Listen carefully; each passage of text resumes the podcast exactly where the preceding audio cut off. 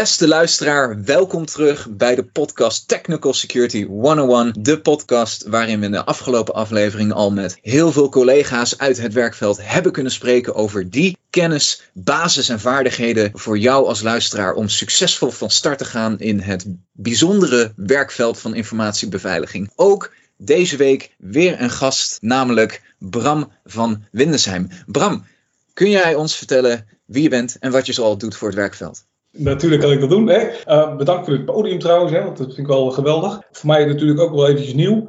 Dat is ook direct wel een goede introductie. Ik ben iemand die altijd nieuwe dingen doet. Mijn leven doorlopend. Ik ben inmiddels al 40 jaar. Dat is best oud. Dus ik heb wat, wat levenservaring opgedaan. En die levenservaring die komt eigenlijk uit het feit dat ik nooit een school heb afgemaakt. En vervolgens altijd dingen ben gaan doen die ik moeilijk vond. Of lastig of irritant geen school afgemaakt terwijl ik nu docent ben, is al een heel typisch natuurlijk. Maar ik heb ook tijden bij de politie gewerkt, terwijl ik daar eigenlijk een hekel aan had. En om het nog erger te maken, ik ben ook een hele tijd digitaal regisseur geweest. Ja, digitaal regisseur, nou, dat doe je uh, met wat programmeerachtergrond, om het zo te zeggen. Terwijl ik een hekel had aan nerds. Maar goed, dat hele pakket, om het zo te zeggen, bij elkaar ja, denk ik nou toch dat ik in een richting zit, zeker in het onderwijs, waarin ik in, uh, in staat ben om vragen te stellen en om over dingen na te denken met andere woorden, te filosoferen. Ja, dat, dat is een van de zaken die ik gewoon heel interessant vind. En zeker op zo'n gebied als IT security, waar je eigenlijk continu bezig bent met ja, anders denken, kritisch denken en al dat soort zaken. Het is interessant dat je nu uit hekel. Hoe komt het dat ondanks dat je uh, de nodige uitdagingen ervaart, toch het gesprek met bepaalde techneuten, toch het gesprek blijft aangaan? Nou, dat is een, hele goede vraag. Um, ik denk dat dat komt doordat ik wil snappen hoe dingen in elkaar zitten. Ja, dat is heel makkelijk gezegd wat ik nu zeg, maar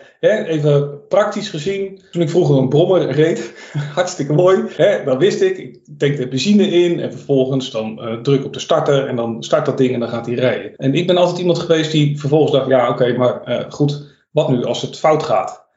Wat moet ik dan doen? Hoe werkt dit eigenlijk? En, en, dat is eigenlijk een beetje, ja, zoals er, dus ja, je snapt wel, ik schroefde die brommer uit elkaar. Ja, daar ging ik dus mee bezig. En dan had ik toevallig een vriend en die wist daar heel veel van. Dus die zei, ja, de, jouw pakking is lek, dus uh, ik knip wel even een nieuwe. Toen dacht ik, ja, als ik nou met jou meekijk, doe ik het de volgende keer zelf. En dat is eigenlijk ook zoals het, zoals het mij vergaat in IT-security land.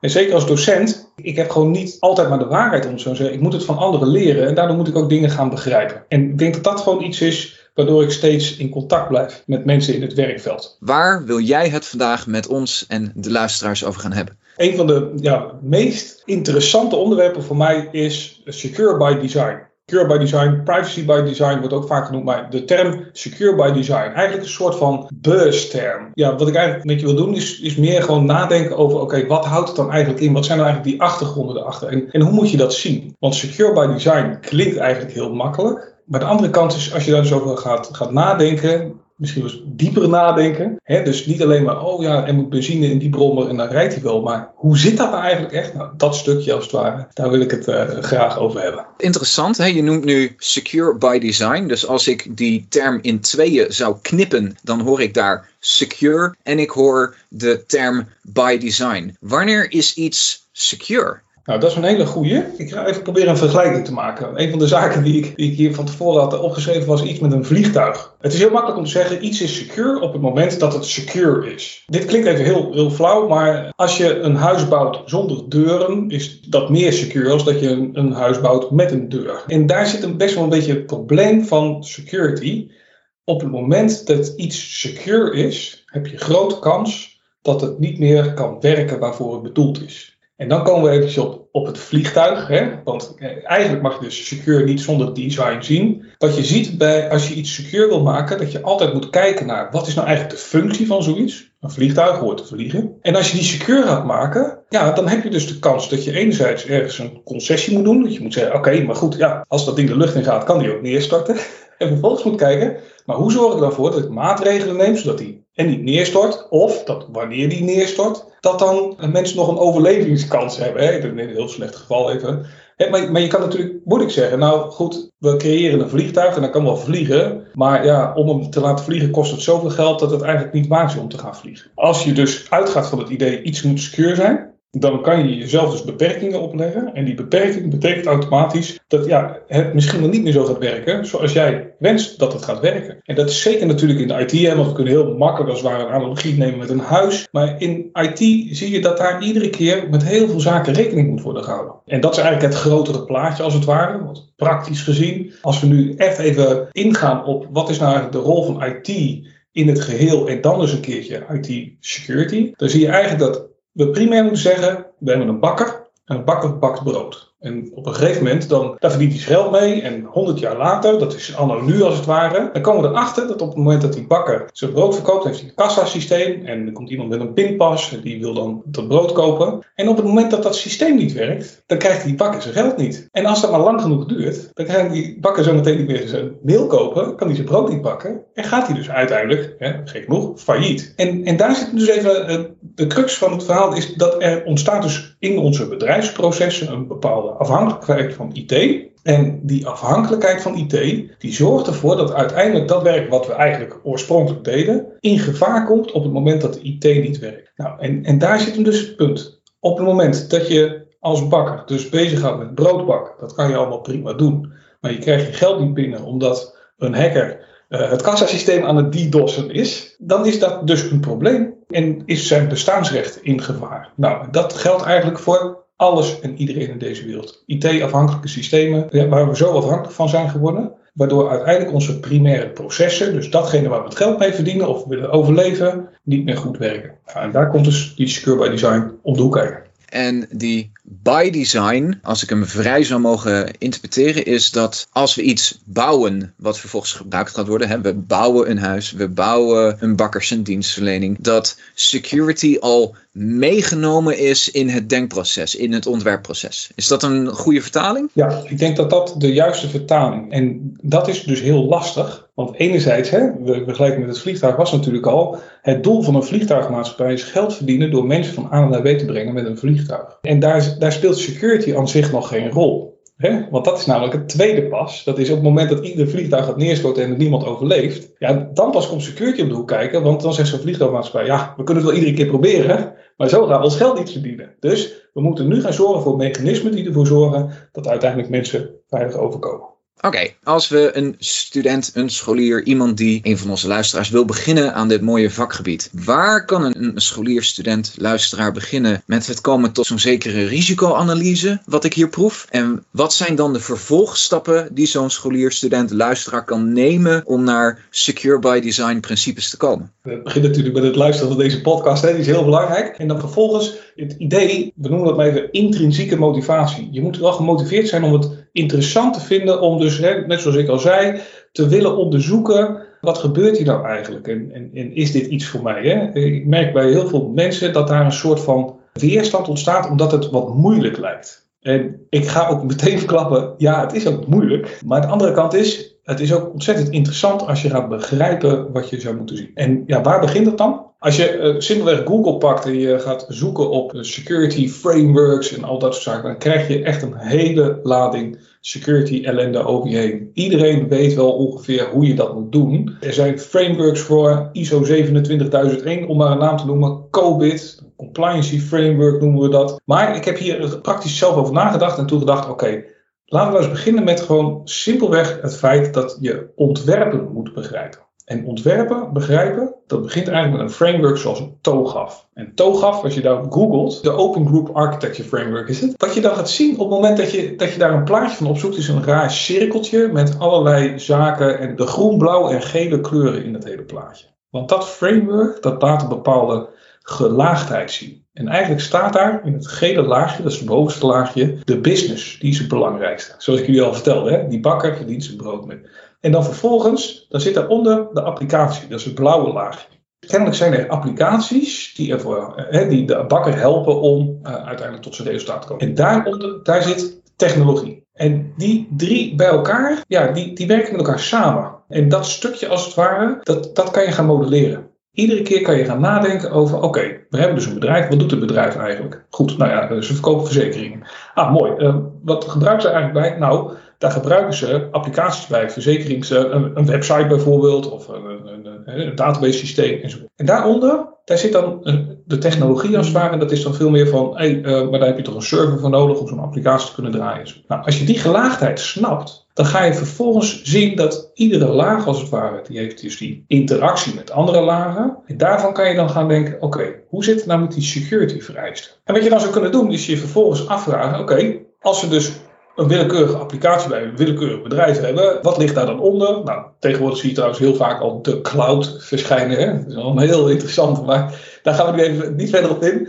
Maar als je dat op die manier analyseert, dan kan je dus voorstellen dat je gaat nadenken over, oké, als we het nu hebben over security en we hebben het over de business, wat zijn dan logische vragen om te stellen als het gaat om het ontwerp daarvan? En, en om daar een voorbeeldje van te noemen, de vrouw van de bakker is directeur van het bakkersbedrijf. En wat je je dan kan afvragen is of die vrouw van die bakker de verkopen en inkopen als het ware allebei in een systeem zou mogen invoeren. Is dat, hè, want je zou denken, ah, nee, zij is toch te vertrouwen in zo. Maar waarom is het nou zo'n relevante vraag om na te denken over dat stukje security hè, op die bovenste laag, op die businesslaag? Nou, stel je nou eens voor dat de vrouw van de bakker en de bakker niet meer zo goed uh, in het huwelijk gaan. Hè, dus die relatie die verbrokkelt een beetje. Dan zou dus de vrouw van de bakker, omdat zij gaat over de uitgaven, misschien wel een hele grote som geld kunnen overmaken naar haar eigen rekening en vervolgens tegen de bakker kunnen zeggen: hey joh, ik ga er vandoor. En wat heeft de bakker dan? Nou, hij hoopt nog steeds brood te kunnen bakken, maar hij is zijn geld kwijt. Dus hij kan geen wiel meer kopen. Hij de verhaal van de bakkerij. Dat soort lagen als het ware. En dus het nadenken over, oké, wat voor gevolgen heeft nou eigenlijk de security daarbij? Of hè, hoe zit dat eigenlijk? Dat is eigenlijk het, het prachtige van Secure by Design. Dit klinkt een beetje als zo'n IT-administrator die uh, niet gewaardeerd werd in het bedrijf, te weinig betaald kreeg, te veel uren moest maken en uiteindelijk zegt, uh, mensen, ik ga weg, maar complete controle heeft over jouw netwerk. Want hij was de administrator. Ja, je zou dus op die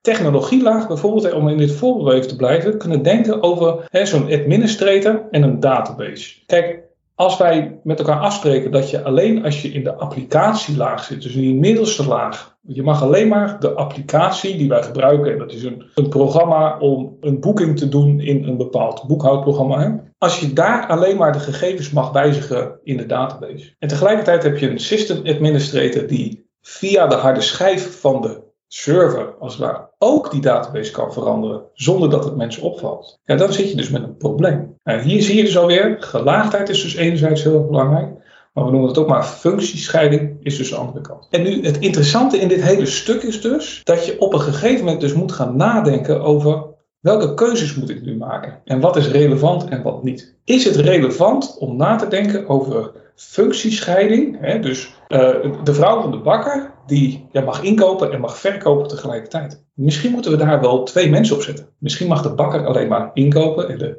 vrouw alleen maar verkopen bijvoorbeeld. Of andersom. Een directeur van een bedrijf die bij alle gegevens van een bedrijf kan komen. Is dat nou een logische gedachte? Je zou denken, ja, Hè, waarom niet? Hij is de directeur, hij is eigenaar van alles. Maar de andere kant is, wat gebeurt er nou als de directeur nou net gehackt wordt? Dan kan dus de kwaadwillende het ware bij alle gegevens waar de directeur bij kan. Het klinkt heel tegenstrijdig, maar misschien moet je dus nadenken over waar mag een directeur nou wel bij komen en waar niet. Dit verhaal van gelaagdheid doet me denken aan een, een ander verhaal wat we wel eens langs horen komen. Wat nou als een bedrijf een kasteel zou zijn? Ja, een bedrijf als een kasteel, um, wat je dus kan zien, is een bepaalde gelaagdheid in maatregelen. Hè? Dus enerzijds kan je natuurlijk een gracht omheen graven, je kan dikke muren maken, uiteindelijk wachtposten, uitkijktorens en noem het maar op. En ik denk dat die analogie heel goed is om te gebruiken als je kijkt naar, als we dus in kaart hebben, wat zijn nou eigenlijk werkelijk de risico's waar we mee te maken hebben, waardoor bestaat de kans dat de continuïteit van het bedrijf in gevaar komt. Dan kan je vervolgens gaan kijken, oké, is het nou eigenlijk waard om dus deze investering te doen? Is het nodig om twee wachters op iedere wachttoren te hebben?